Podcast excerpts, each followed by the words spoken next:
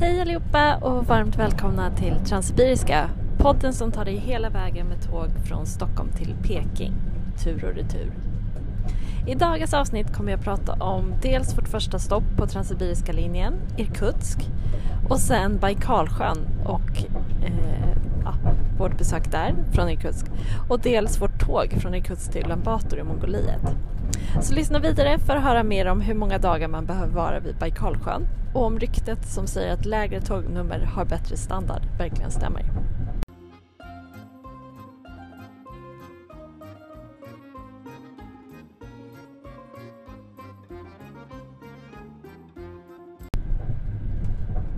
Men först, tack till alla er som nu lyssnar troget. Eh, podden har äntligen kommit ut på Apple, vilket känns kul.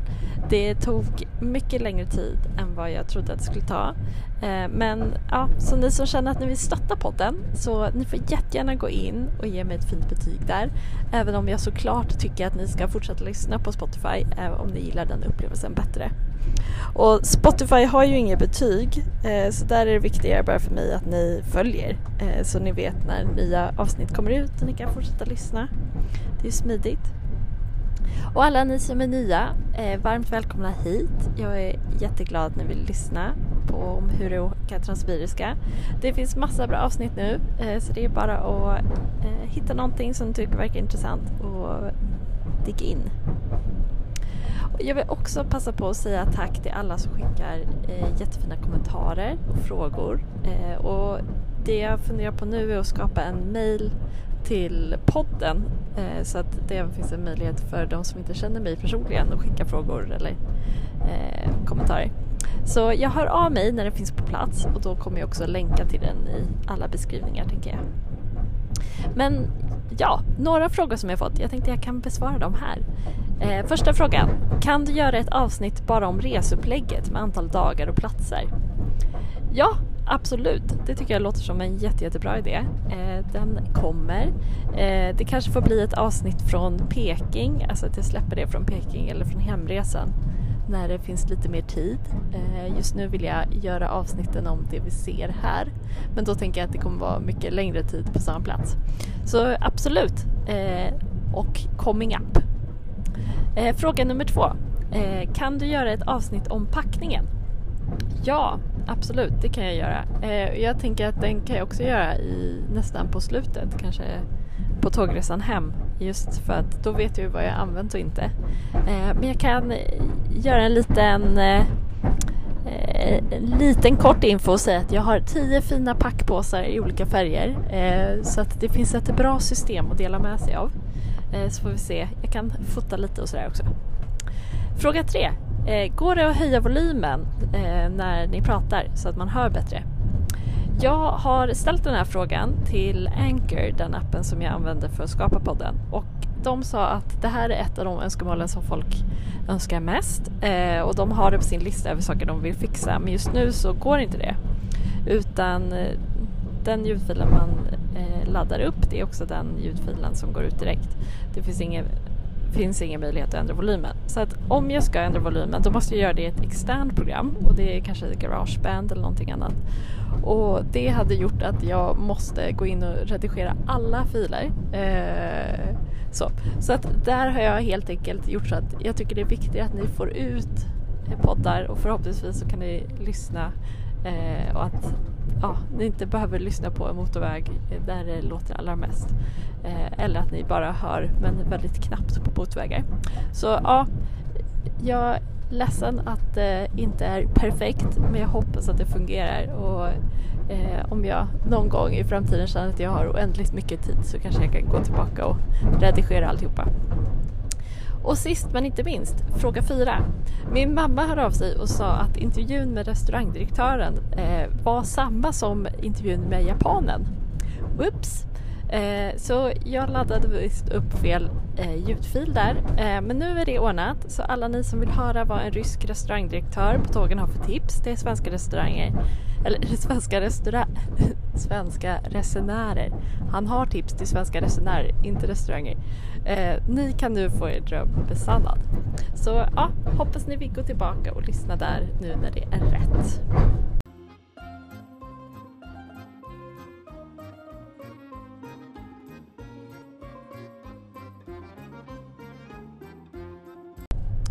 Ja, och då kickar vi igång dagens avsnitt. Eh, först om vår två dagars utflykt till Baikalsjön.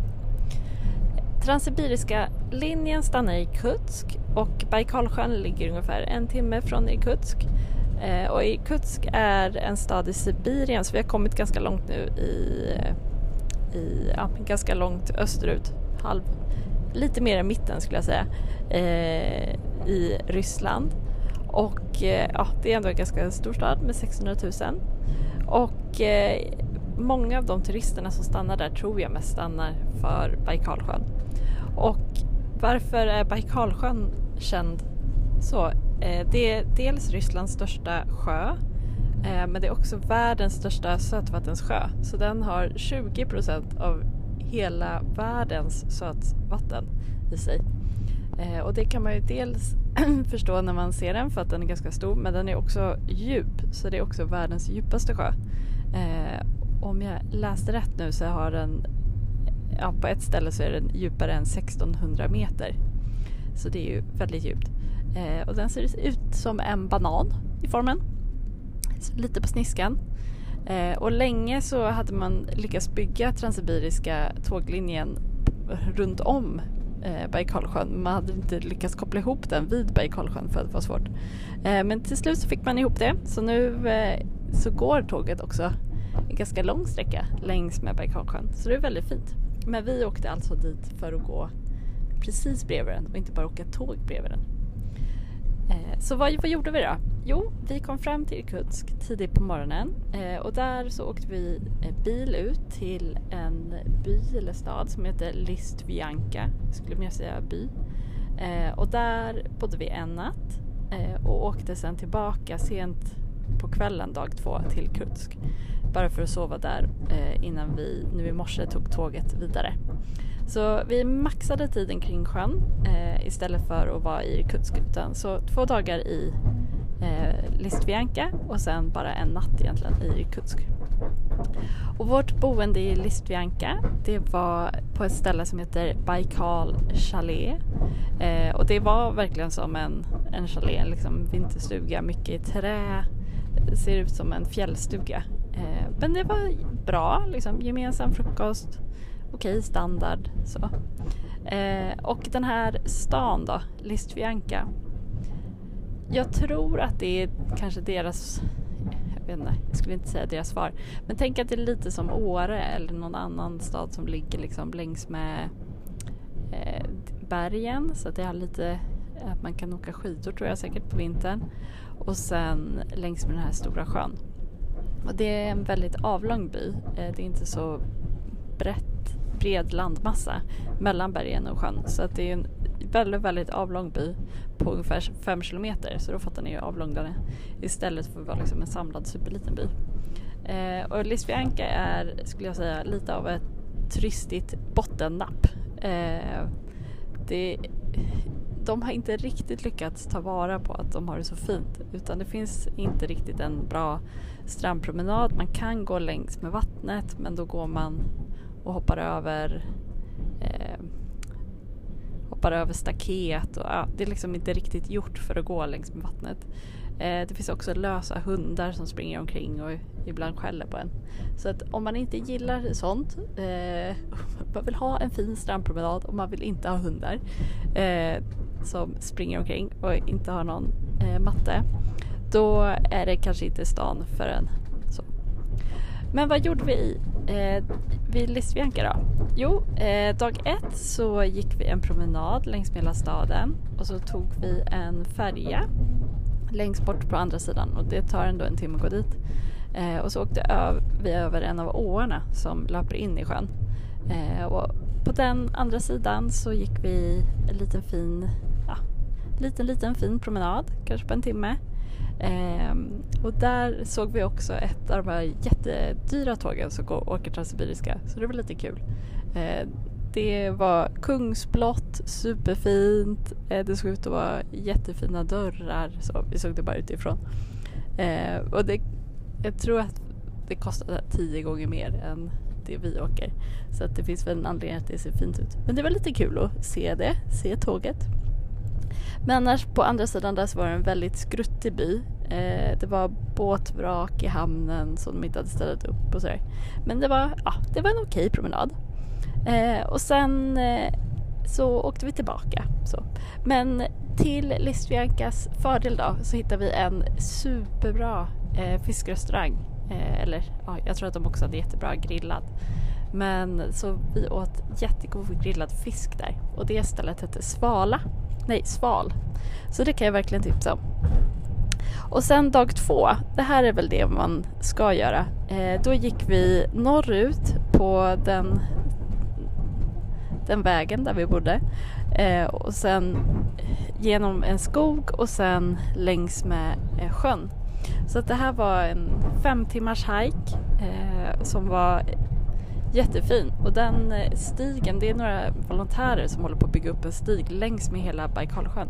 Så det är superlångt eh, att göra det runt hela den här Baikalsjön. Men så det var jättefint, eh, fint preppad, tydligt var man skulle gå. Det var lite uppåt i början och sen lite neråt och sen platt. Så ja, ändå väldigt lätt.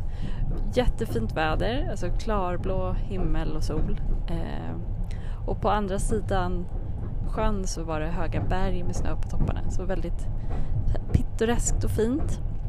Vi träffade också en massa trevliga ryssar som var ute och hajkade och som ville prata. Eh, och de kunde ganska bra engelska så det var kul.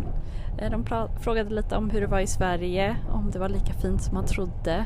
Eh, de frågade ja, vad vi hade för fördomar om Ryssland innan vi kom hit och så. Men det var jättekul. Eh, så sammanlagt så träffade vi väl tre olika gäng som alla var jätteintresserade. Eh, så det var kul. Och efter att vi hade gått i ungefär fem timmar så kom man fram till en liten by som när vi läste om det efteråt så verkade det varit eh, att det var en liten vad heter, Gold Rush by så att de hade väl hittat lite guld där förut. Men nu var det en väldigt skruttig by där och sen därifrån så tar man en båt tillbaka. Eh, och ja, Det här känns verkligen som höjdpunkten. Att om det är någonting man ska göra i Lisvianka så är det att gå den här hiken. Den är jätte, jättefin. Eh, ja, och skogen känns väldigt svensk. Alltså väldigt mycket björk, björkskog och sådär. Men eh, ja, ändå bara härligt att komma ut, vandra, frisk luft efter man har suttit på tåg i tre dagar. Eh, det enda heads up här är att eh, den här båten som man ska ta tillbaka, den är lite av en utmaning eh, att få till. Så försök att boka den i förväg för att om man inte har bokat den innan så kan de vägra, en och, vägra att släppa på en. Eh, det är också lättare att boka den via dator eh, än via mobilen. Eh, så, för att deras hemsida är inte så bra. Det är inte alla dagar som den här båten går så försök att optimera så att ni har eh, att ni är där en dag då båten går. Eh, och ryktet säger att den inte går på måndagar och torsdagar. Men eh, vi har också sett att det står viss info på hemsidan som inte stämmer överens när man kommer till bokningssidan. Så att eh, det är lika bra att bara försöka boka och se. Eh, så att, ja, eller så bokar man i Kusk på turistinfo men då behöver man en extra dag. Så att vi fick hjälp av dem på hotellet att boka men bara så ni förstår hur komplicerat det här var. Det tog säkert henne en timme att boka och sen 30 minuter eh, nästa dag och bara försöka ringa och kolla att allting verkade korrekt. Eh, för hon fick ingen biljett. Eh, och så. Men eh, sen ställde de ändå in vår båt och så fick vi ta en senare. Så att ja, lite av en hassel men eh, försök att försök att få till det för det är verkligen värt den här hajken. Så två tips. Eh, boka båten innan och åk till Listvianka dag ett och hoppas på fint väder och gå hajken och sen ta båten tillbaka. Så ska ni sova i Listvianka den natten och sen ta transfern tillbaka till Irkutsk. Eller om det är dåligt väder så försöker ni boka en ny båt till dag två och åka till Irkutsk sen på kvällen. Eh, och om det är fint väder då kan ni åka till Irkutsk redan ja, på morgonen där, dag två. Eh, och det andra tipset är väl eh, försöka bara embracea att eh, man kommer aldrig riktigt få fullständig information eh, och att det här blir lite spänning i vardagen om man ska klara av att resa i Ryssland. Eh, så att ja, jag tror att det är en bra övning för mig som gillar att ha koll. Eh, så att det kanske kan vara för andra också. Men det är mer att bara vara beredd på det. Så det var lite kort om eh, Baikalsjön.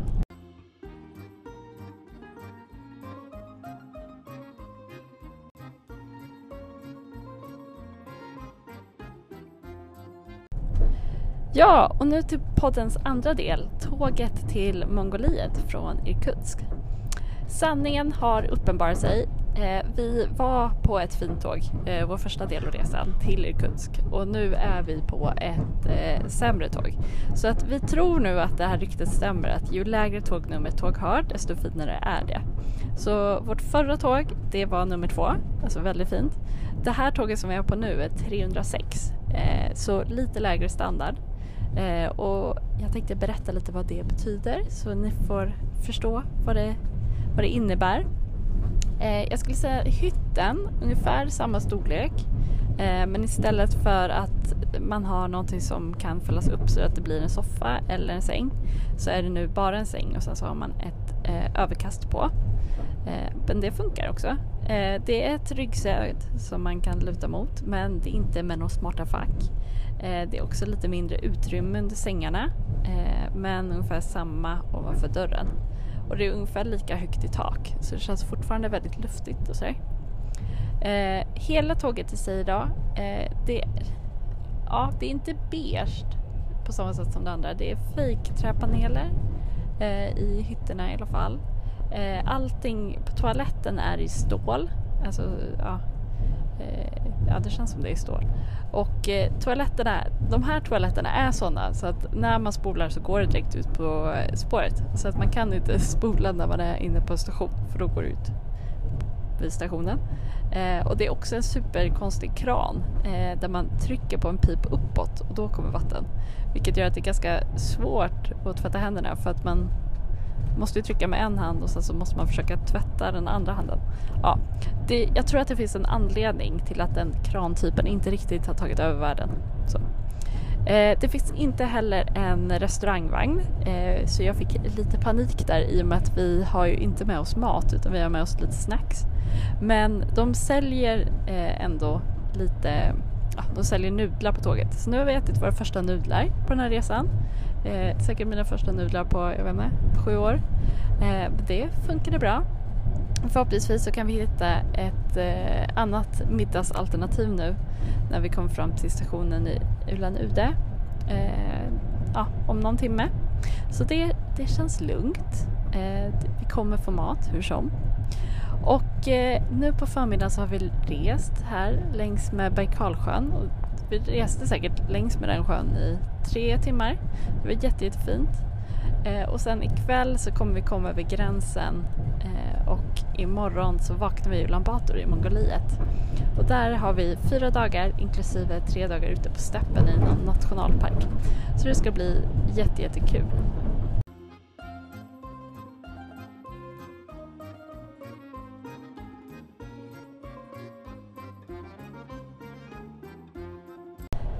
Ja, och det var allt för det här avsnittet. Eh, jag hoppas att ni har lite bättre koll på hur ni eh, kan eh, ta er till Baikalsjön och att ni ska boka tåg med lägre nummer.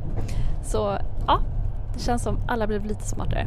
Hörs snart igen och jag tänker att vi avslutar med ett ryskt hejdå nu eftersom det är vår sista dag i Ryssland. Ha det så bra, hejdå! So now it's recording. Okay, so you can say uh, yeah. goodbye in Russian is до свидания.